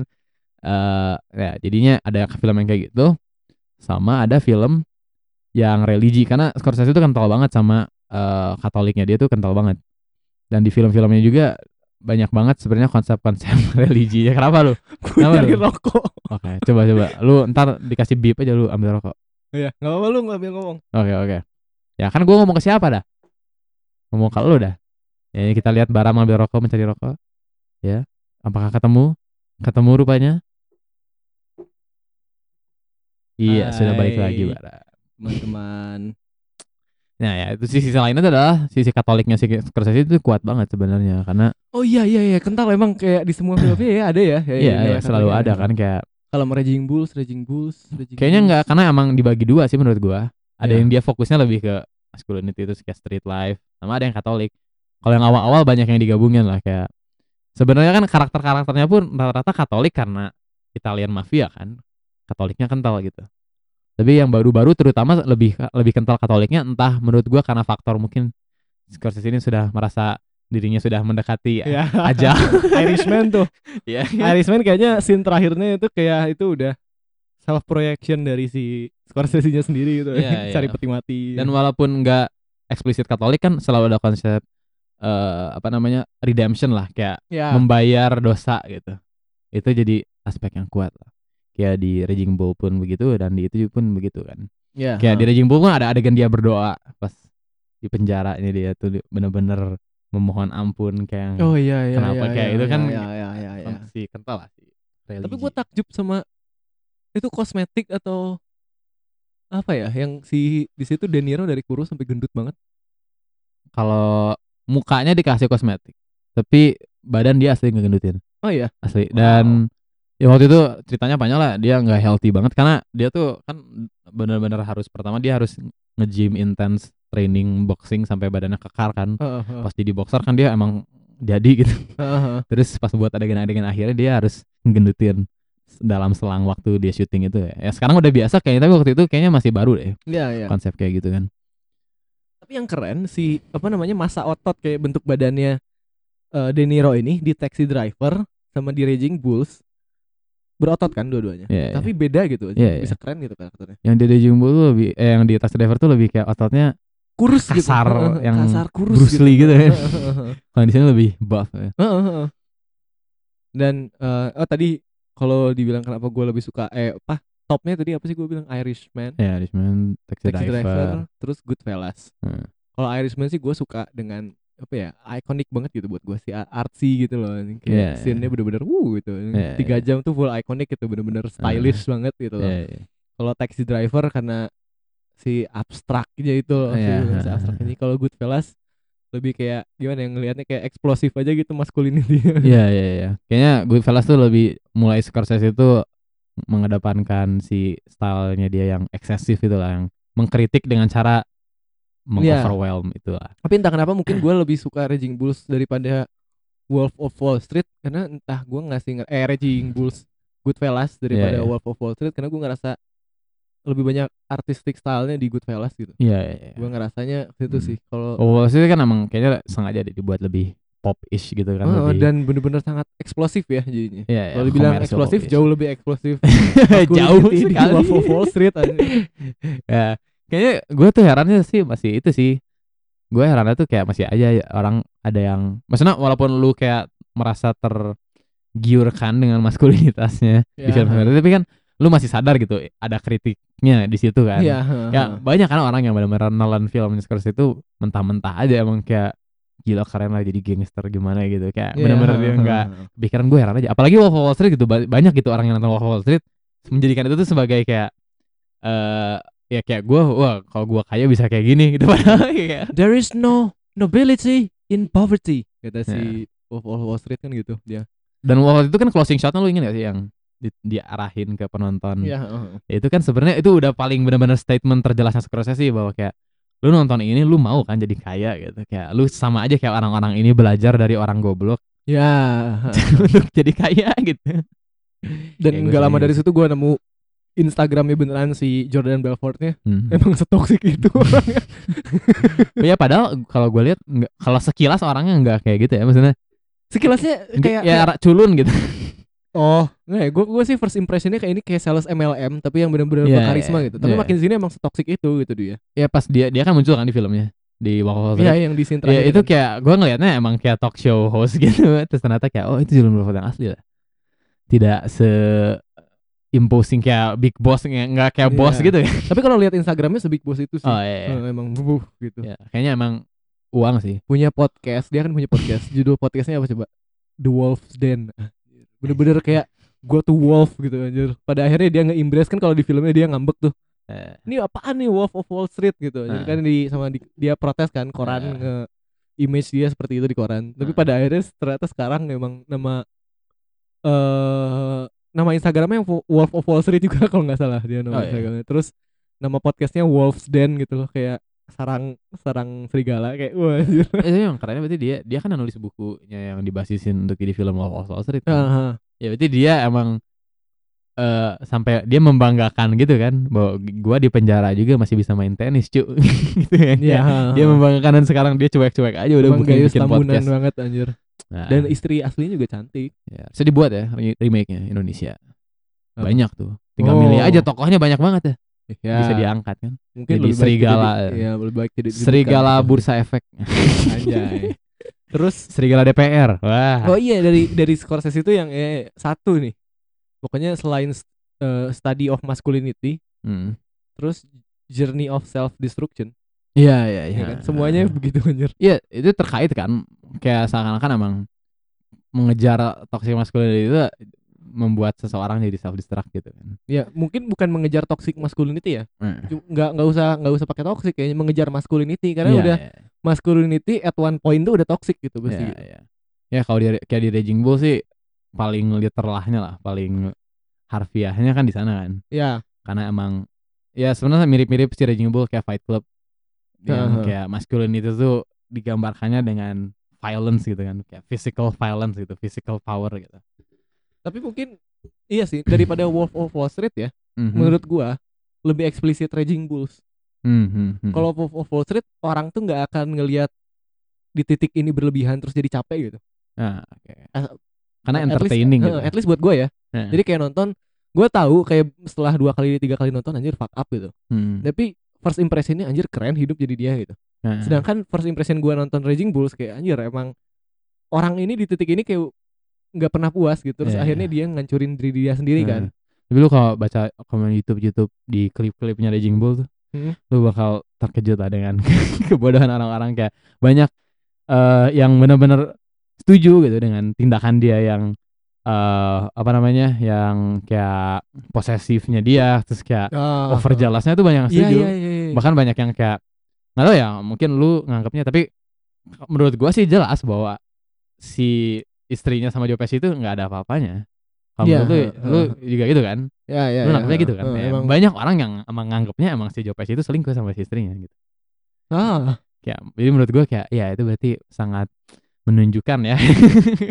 Yang nonton ini ternyata sama aja gitu loh. iya heeh, mindset itu kayak gila dah. Oh iya, iya, jadi jadi apa namanya keinget lagi film-film Scorsese itu ya. Kecuali Taxi Driver ya, selainnya, selainnya kayak apa domestic abuse itu pasti ada gitu di filmnya Scorsese Iya, anjir. iya. Wolf of Wall Street, Eh. Goodfellas, Raging Bulls. di bawah sih tapi ke- keren itu dibalikin gak sih Dibalikin gimana? Domet, eh, perannya yang abusifnya gitu kayak lebih equal lah dibanding yang Iya, lain mungkin lebih equal sih ya ya. setidaknya lah ya Setidaknya. kayaknya kalau physicalnya lebih ke si eh, si Margaret Robbie-nya lah yang lebih physical kalau si Jerome Brevard kayaknya lebih verbal Walaupun gua. walaupun se- sekali tuh terakhir dia mukul nampar oh iya, pas iya, iya. pengen bawa kabur anaknya tuh. oh iya iya iya, Iya kan, iya. heeh. Tapi emang kalau dilihat horror domestic abuse-nya, gue paling ngerasa di itu sih, ya di Raging Bull Iya, sama iya. Goodfellas. Iya. Itu bener-bener fuck man anjir. Yang cewek ditampar gila-gilaan terus ceweknya lari ngerem karena takut gitu. Anjir gitu. Harus nonton Godfather itu juga ada domestic violence di situ. tapi emang itu kayaknya bawaan ini sih emang sayangnya di di Italia waktu itu emang gitu apa komunitas Italian American tuh emang gitu sih Tapi di situ juga ceweknya embrace sih. ya karena emang normal gitu jadi emang ya karena itu ya sedihnya itu sih Nah, Kalau ngomong sedih mungkin buat kita sedih ya balik lagi ke sesi pertama tadi. iya Ujung-ujungnya moralnya tergantung gitu kayak Iya, iya. di beberapa budaya ada aja cewek yang emang ya udah kita begini gitu hidupnya. kayak Iya. aktualisasi di paling tinggi eh, untuk wanita adalah mendapat laki yang seperti itu gitu di beberapa Iya. budaya ya kan Iya, iya. dan mungkin mereka menganggapnya oh, apa kasta kita lebih tinggi dari laki-laki walaupun kita kadang-kadang ditampar tapi ya kita nggak usah kerja gitu kita bagaikan ratu di rumah Iya, gitu iya. mungkin ya gitu. Ya maksudnya masih banyak sih yang mindsetnya gitu dan ya kadang-kadang gue juga suka kecewa aja sih kayak apalagi kalau generasi kita yang harusnya udah lebih eh teredukasi gitu dengan kayak progresnya kita sekarang gerakan apalah kayak equality dan lain sebagainya tapi masih kayak gitu gitu tapi ngomong kalau ngomongin tentang equality ya Hmm. balik lagi gue sih sebenarnya kalau ada orang yang emang sepatriarkis itu Hmm. ya kalau ternyata menemukan wanita yang pahamnya sama ya nggak apa-apa sih pada akhirnya gitu Ya, Ngerti nggak sih? Iya, iya. kalau emang kita yang emang udah nggak setuju gitu dengan patriarki sebagai konsep yang benar-benar dipegang Hmm. ya akan menemukannya juga yang equal gitu loh Iya, iya. tapi kalau misalnya ada laki-laki yang sepatriarkis dan semisoginis itu Hmm. ketemu dengan eh, pasangannya yang emang juga ternyata dia kok- kok setuju dengan patriarkis dan dia Hmm. masokis ya udahlah gitu nggak apa-apa ngerti gak sih ujung-ujungnya ya mereka punya budayanya sendiri kan Iya, jadinya iya. gitu Tapi berarti menurut lu kalau udah mulai ke kayak tadi domestic violence gimana menurut? Sekarang kan Apakah masih domestic violence itu ya korbannya punya hak kan buat itu gitu Iya, loh. iya. ha. kecuali emang terkecuali kalau ternyata wanita ini emang nggak setuju dan nggak mau Hmm. nggak setuju dan nggak mau apa diperlakukan seperti itu Iya, iya. tapi dia nggak berani Iya. baru kita dukung gitu kan Heeh. tapi eh gimana ya, emang tapi borderline-nya juga Ya sebenarnya susah kan ngebedainnya. Ya, gitu. Mana yang bedainnya emang- juga susah gitu kan Maksudnya karena kalau emang nggak semua orang udah nge-explore kayak dia bukan berarti orang yang memutuskan ya udah gua fine fine aja dengan patriarkis tuh bukan berarti dia udah tahu yang lain ya terus dia kayak ah nggak ah gua patriarkis aja. Mungkin aja dia emang seluruh hidupnya ya nggak pernah keluar dari Iya, iya, benar, pandangan benar. itu kan. Jadi kayak ya harusnya kita ngasih sedikit dulu kayak lu tuh nggak harus kayak gini gitu. Iya, heeh. jadi kalau masih memilih ya udah gitu.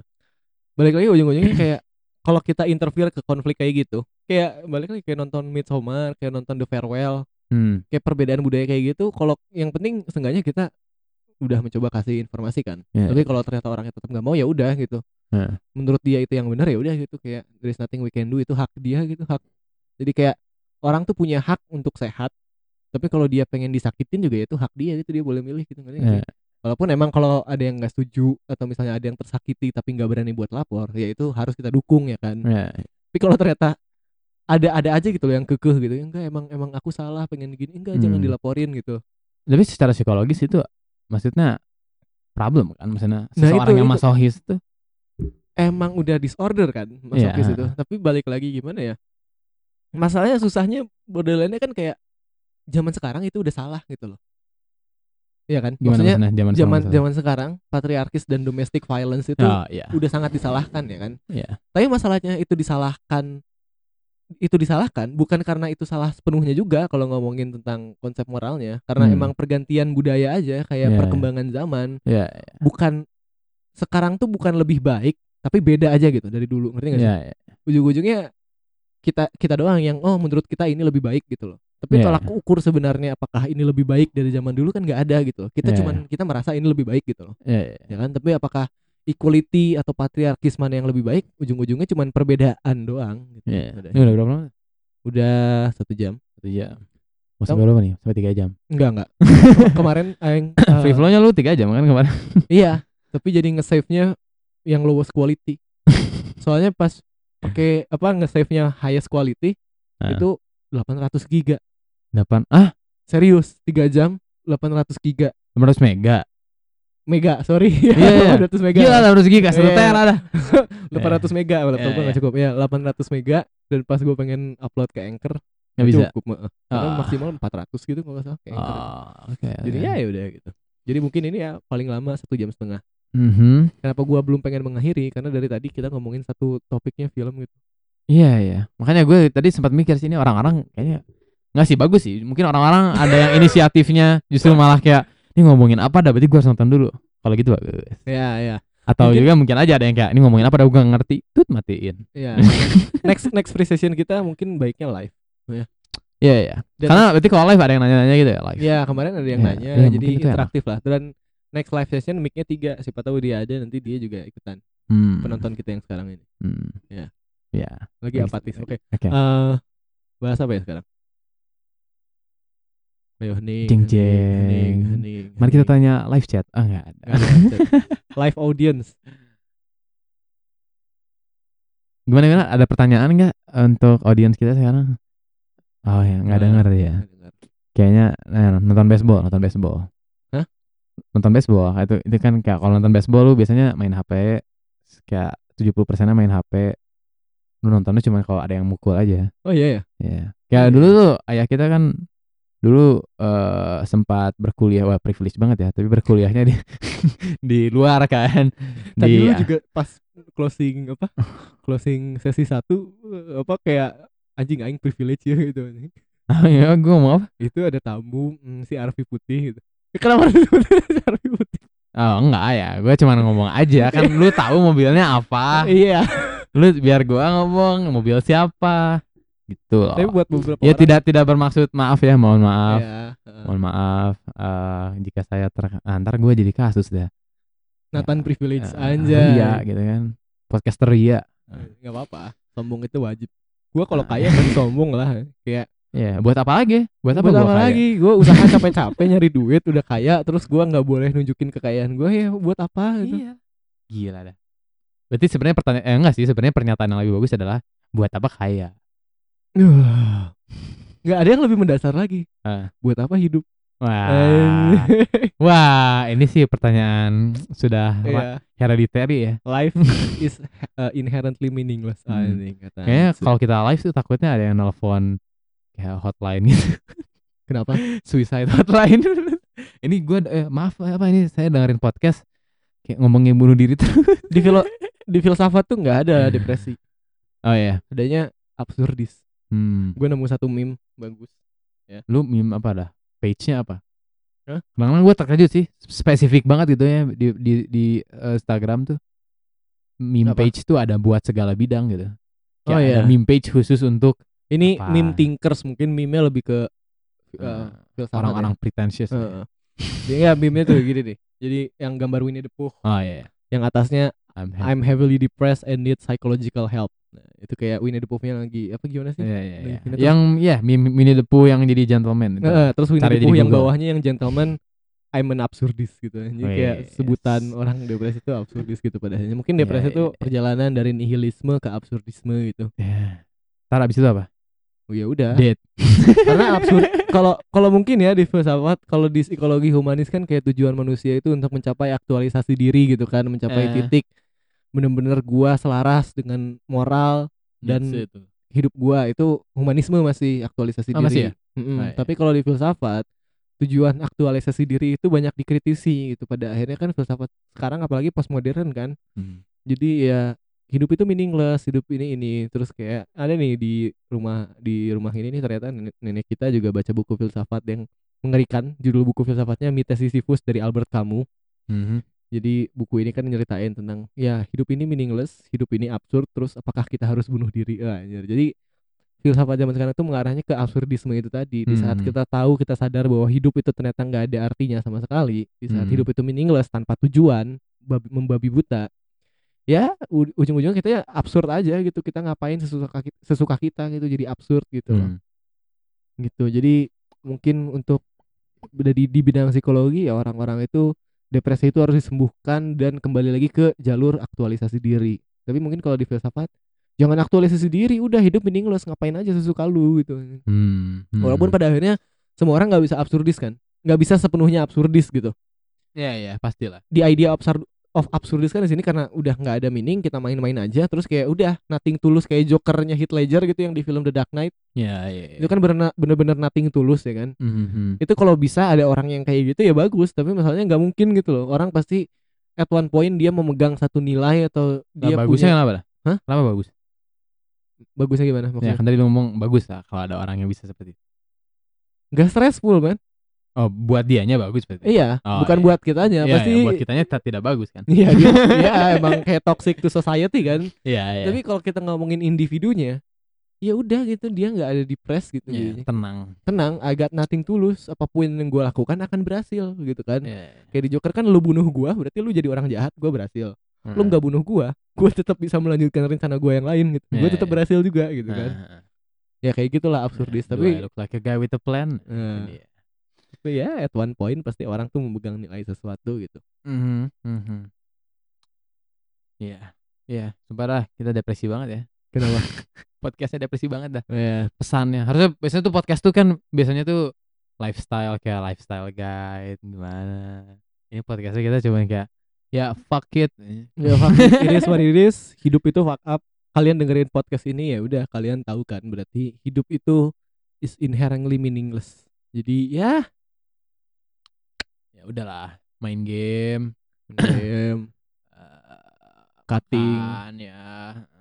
eh, ya optional lah itu. ya gua tuh akan Eh, menghargai orang yang suicide bukan karena depres apa yang sudah bukan karena depresi.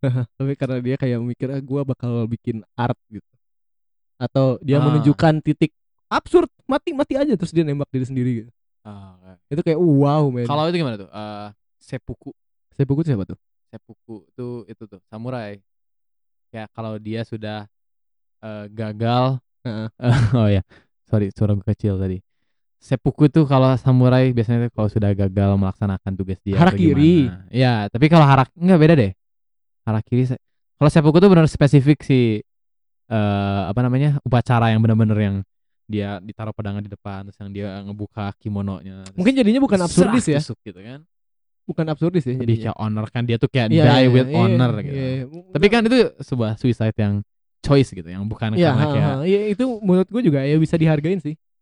Karena kalau itu tadi ngomongin balik lagi itu konteksnya budaya kan, sangat cultural gitu. Jadi ya begitu. Tapi ya maksudnya kalau kalian seperti bunuh diri di Midsommar. Oh iya, nah itu itu itu baru gue hargain gitu kan. Itu ada nilainya gitu, ada value-nya gitu. Ya, Bukan suicide gitu, tapi ini kayak ya emang ini cycle dan lain sebagainya. eh, apa namanya cultural eh, ritual gitu. ya, ya ya. kan tapi kalau emang wah gua hopeless dengan mati gua bisa menyelesaikan semua masalah itu gua gimana ya ya mati gitu kayak gua tidak appreciate Ya, lu gitu. bu- bukannya ini ya, lu bukan ngeker eh mengucilkan orang yang berpikiran seperti itu kan. Mm, misalnya. mm, tapi ya jangan dan eh, kalau ada yang berpikiran seperti itu gua humanis dikit kalau ada yang berpikiran seperti itu ya kalian ingat kalian gak sendiri dan uh, speak up to someone you care gitu karena yang gue tahu ya at least yang gue tahu sampai Hmm. sekarang kayak uh, untuk nge-prevent suicide itu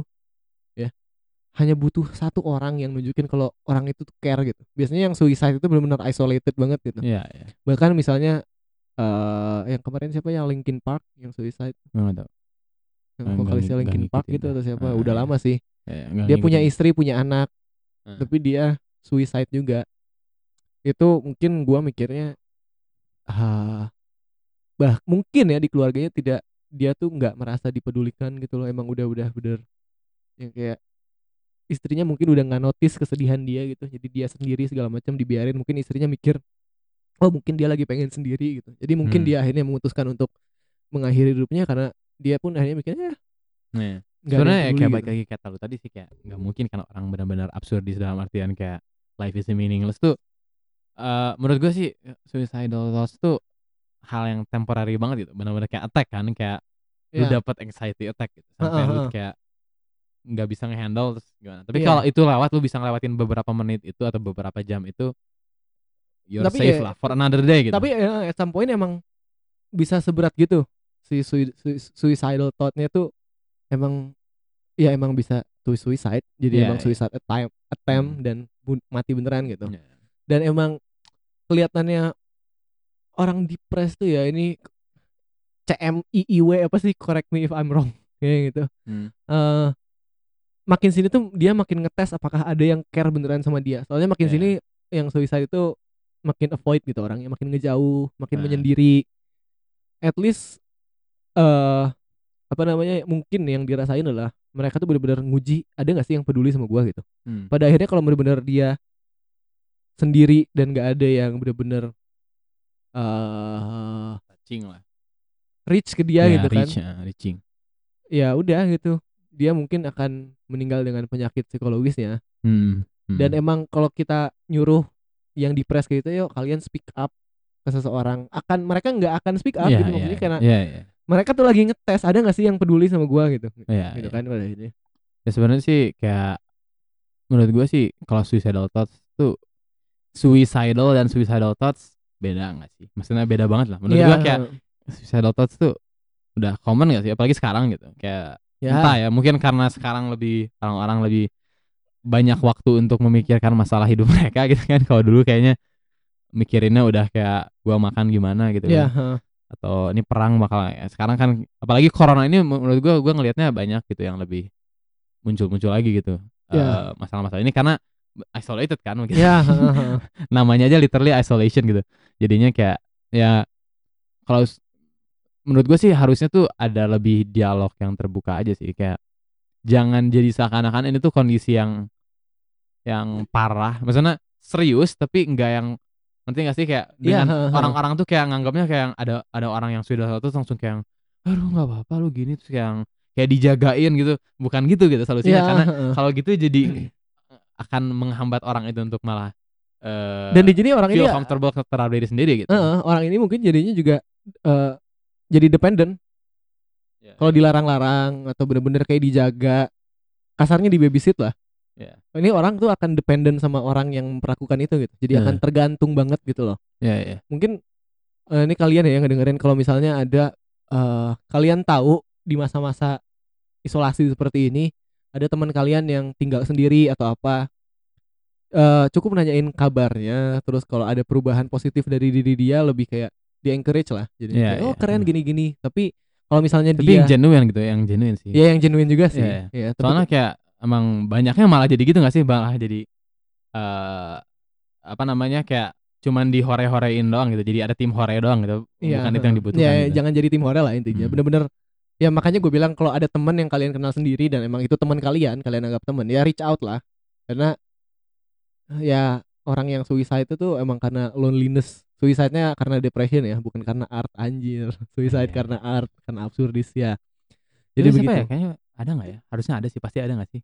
kayaknya ada aja Kayak orang yang seniman yang maksudnya tapi ya gue maksudnya kalau meninggal kayak gitu ya sekeren itu gitu ngerti gak sih Ya, Gua akan kayaknya yang ada tuh minimal juga yang unin- unintentional kayak ya Houdini gitu kan or something. ya filmnya Birdman tau ya gue belum nonton sampai akhir. Eh, iya, itu Ya jangan. ya jadi tahu ngarahnya ke mana ya. Ya sudahlah. ah, Udah ya, amat Eh ya gitu sih. Kayak mungkin ya intinya sih gitu. Kayak kemarin gua baru nonton ada video panjang lah ceritanya. Pokoknya kayak ada seseorang yang dia sering muncul di salah satu channel YouTube yang gua sering tonton. Nerd Ya. writer Bukan, bukan, oh, bukan bukan. Kayak model-model cut cut. cut. oh cut Hmm. cut cutty Ada yang viral dia tuh, gara-gara salah satu videonya. Terus dia tuh intinya dia ngekonfirmasi karena dia tuh ngebuat joke-joke tentang mental health dia kan. Orang-orang jadi banyak yang kayak nge-reach out dan kayak sebagai macamnya. Tapi dia ngejelasin dan gue suka sih penjelasannya bahwa kayak eh apa namanya? Ya kalian nggak usah yang jadi lebay gitu nanggepinnya ya ha. karena gua ngejoke soal mental health karena gua ngejoke tuh karena itu tuh udah makanan sehari-hari gitu. Dan kalau makan ya dan itu tuh nggak apa-apa gitu. Kayak ya gua makanan sehari-hari emang karena gua udah make peace justru kan kayak ya ha. gue udah berdamai dengan kondisi gue jadi kayak ya udah gitu lu nggak usah yang jadi lebay kalau lu lebay gue malah jadi timbul lagi kan kayak lu eh, berarti gue berarti gue ada problem gitu ya dan ya itu itu gitu. makanya coping mekanismenya kan ada yang emang dengan cara dia komedi aja jadi kayak ha, diketawain ha, aja ha, kan, gitu. itu absurdis. Itu, itu dia. absurdisnya kayak gitu gitu loh. Nah apa namanya? Eh anjing lupa mau ngomong apa? Brother? Ya sudah karena bara lupa mari kita akhiri. Eh gua mengingat-ingatnya ya jadi depressed bro. Ya itu makanya gimana ya mungkin dari emang faktor sejarah juga toxic masculinity itu kan dibuat ya kan Mhm. jadi sekarang dengan idea of man itu can be vulnerable juga loh gitu kan tapi yang bikin gua geli adalah di saat gua pernah maksudnya open up gua lagi sedih loh gitu ya gua laki-laki dan gua sedih pernah gitu dan di titik eh at lowest point point of my life gua pernah open up gitu Iya, tapi iya. ya responnya menggelikan Hmm. Jadi tidak tidak memperbaiki keadaan gitu menggelikan Iya, kayak iya. oh jangan gitu. Ya kayak ya ya. no shit. Terus akhirnya ya udah gitu gua memilih ya udah toxic masculinity aja. Tapi dengan itu gua berdamai dengan eh, perasaan sedih gua. Sekarang gua jadi masokis gitu aja kayak gua di titik gua aja gua pengen sedih malam ini gitu. Ya makanya justru mungkin eh yang menurut gua lebih bagus lagi sih kenapa menurut gua harus lebih di embrace gitu kayak identitas. Kayak harusnya itu jadi ide- identitas seseorang gitu. Kayak, ya ha. I have depression gitu itu Iya. tuh harusnya jadi suatu identitas yang sama halnya kayak identitas lain gitu kayak ya gua punya struggle gua tapi itu bukan berarti gua kurang atau gua lebih atau gua butuh lebih banyak attention gitu loh kayak ha. sama aja jadi kayak isu-isu yang lain kayak isu-isu tentang racism terus kayak tentang sexuality gitu sama aja Ya. jadinya menurut gua harusnya kayak eh, depression dan lain sebagainya tuh kayak ya udah gua gitu ya lu support guanya dengan you treat me sebagai uh, normal human being yang Iya, lu care ha. about aja gitu Iya, kan ha, ha, kayak ha, kan aneh juga kalau lu kayak bukan kayak lu cara eh, apa nge-support orang-orang yang eh, mengalami racism itu kan bukan berarti lu kayak oh kayak I support you I know you struggle because you're black Iya, ha, ha. bukan gitu kan Iya, itu kan salah banget gitu. Nah itu masuk jadi ke racism sama eh, gen eh, gender fluidity terus LGBTQ RSTU VWXYZ yang gitu-gitu. ya Buat gua sampai sekarang cara terbaik untuk acknowledge mereka adalah tidak di acknowledge gitu. Ngerti gak sih? Iya iya. Jadi kayak ya udah, maksudnya ada yang gay, Iya, lesbian, Itu normal black, gitu kan. Papua. Oke, be it gitu ya udah Iya, biasa, iya. biasa aja gitu. Karena yang bikin mungkin yang buat gua yang gua rasa sekarang si racism dan eh, LGBT ini tambah parah karena terlalu di acknowledge gitu. Jadi Iya, kayak iya. support, support, support seakan-akan mereka tuh sangat inferior gitu. Jadi Iya, menurut gue iya. ya udah biarin aja gitu. Iya, Hidup iya. apa adanya. Gue banyak temen yang gay, yang Iya. lesbian. Tapi kayaknya udah emang gitu. sekarang udah lebih ke situ sih. Kalau kalau soal sexuality kayaknya udah lebih gitu sih kalau gua ngeliat ya kalau di luar negeri lah setidaknya gitu. Tapi Udah. seremoninya sekarang kan lagi Pride Month ini. Ah, Terus iya, yang kemarin iya. sempat ada Hmm. demo apa yang kayak gitu. yang yang demo Month. demo anti atau emang pride man ya? Pride Month ya. Ah iya. iya. Tapi emang mungkin kalau gue pernah nonton soalnya ada video yang ngebahas kayak kenapa important kayak pride man dan lain sebagainya. Dan dia nggak knowledge juga bahwa kayak kita udah ting udah hidup di mana toleransinya udah at the highest point kan kayak Ya, nggak pernah gitu lebih ditoleransi daripada ini.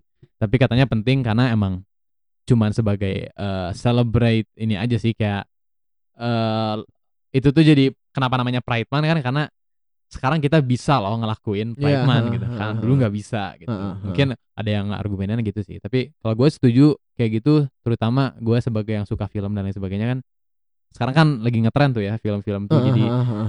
eh, menyelipkan pesan-pesan tanda kutip SJW gitu. Heeh. Nah, kenapa menurut gua eh itu tadi kenapa di tanda kutipinnya jadi SJW karena itu sih pesannya nggak genuine Iya. bukan menurut gua, makanya gua lebih suka film-film yang emang ceritanya tentang gay characters atau tentang black characters atau tentang war- apa pun itu gitu. Mhm. Tapi ya udah, cuman ada cerita yang kebetulan karakternya Iya iya iya. identitasnya itu gitu. Balik lagi kayak Star Wars lah dengan banyak banyak ras, banyak spesies malah kan Iya, kalau Star Wars. iya. Terus ya udah mereka biasa aja gitu. Ya ya daripada kayak yang sekarang Disney apalagi kan tuh paling ngetren tuh tiba-tiba kayak iya ini karakternya ini kita buat gay karena kita support gay gitu kayak "Eh, bukan gitu kayak lu buat Iya, aja cerita tentang eh ya lu buat aja cerita tentang princess atau apa yang ter- kebetulan gay gitu. Tapi bukan berarti si filmnya tentang kayak yang eh, a story about a gay princess. nggak usah ditulisin gitu. Cer- cer- Ceritanya sinopsisnya tetap a story about a princess blah, blah, blah, blah, blah, Ya, blah, with her girlfriend atau apa gitu. Iya iya dan apa namanya kalau misalnya gua nih punya otoritas untuk di satu kota bikin acara Pride Month gitu ya, or at least Pride Day misalnya ada satu hari Pride gitu LGBT, gua nggak akan nyuruh orang-orang eh arak-arakan di jalan terus kayak I support lesbian gitu, gua Ya. nggak akan gitu, gua akan ya udah hari ini karena ini Pride Month eh dianjurkan atau bebas kalian boleh pakai baju warna-warni, terus nanti kita ada party, tapi nggak bener-bener eksplisit gua ngedukung lesbian dan gay gitu Ya, ya. karena jadinya kayak ya too much juga jadi intinya malam ini ada pesta ya ada ada ada perayaan siapa aja datang apa pun Hmm. kalian apa pun Hmm. orientasi kalian itu Iya. kan lebih pride month gitu loh Mem- Iya, mem- iya. maksudnya ya itu pride month gitu Sebenarnya tapi emang yang yang arak-arakan gitu nggak semuanya ini juga sih. Kayak ya ada yang peaceful. Ya sama aja sih kayak protes yang sekarang lagi ada di Amerika kan gua lihat tuh kayaknya otomatis pasti yang di cover sama media tuh yang heboh. Tapi ya ha. sebenarnya banyak yang cuman kayak orang-orang jalan doang bawa pelang, bawa sign gitu doang. Ya, ha, ha, ha. banyak yang gitu juga tapi nggak di cover lah karena Iya, bukan news kan cuman kayak ya udah karena gitu. nggak akan laku kan newsnya emang emang gimana ya ya nggak ada yang di report kan cuman kayak well same as usual gitu Iya, doang ha. center. karena balik lagi nih ngomong-ngomong apa sekarang kan banyak yang gue yakin banyak yang lebih depres sekarang daripada sebelum corona ini kan. Dan apa namanya ujung-ujungnya pasti karena informasi yang dimakan ya kan berita buruknya corona ada berita buruk apa yang terjadi segala macam Iya.